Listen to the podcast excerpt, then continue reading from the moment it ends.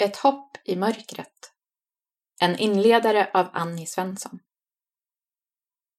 Vad gör jag nu, när livet inte blev som jag tänkt mig? Hur ska jag kunna hjälpa min kompis att må bättre? Varför känns allt bara tungt och hopplöst? Vi har nog alla varit där. I de svåra stunderna där ingenting går rätt och vi inte riktigt vet vart vi ska vända oss med vårt mörker.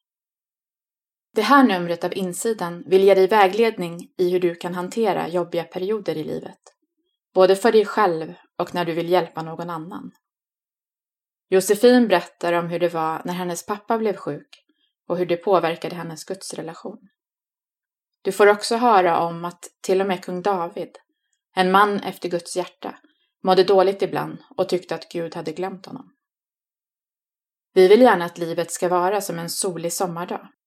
Men tillvaron blir inte enkel bara för att vi har med oss Jesus. Som kristna är vi inte skyddade från svårigheter. Men vi har ett hopp. Jesus har redan vunnit över allt ont och han vill hjälpa oss att bära det som är svårt. Han säger att han ska ge oss vila när vi kommer till honom. Läs tips Matteusevangeliet 11, 28-30. Det betyder att vi alltid har någonstans att ta vägen med våra bekymmer. De kanske inte försvinner med en gång, men de blir i alla fall lite lättare att bära. Jesus, tack för att du är med oss både bra och dåliga dagar. Hjälp oss att lita på det. Amen.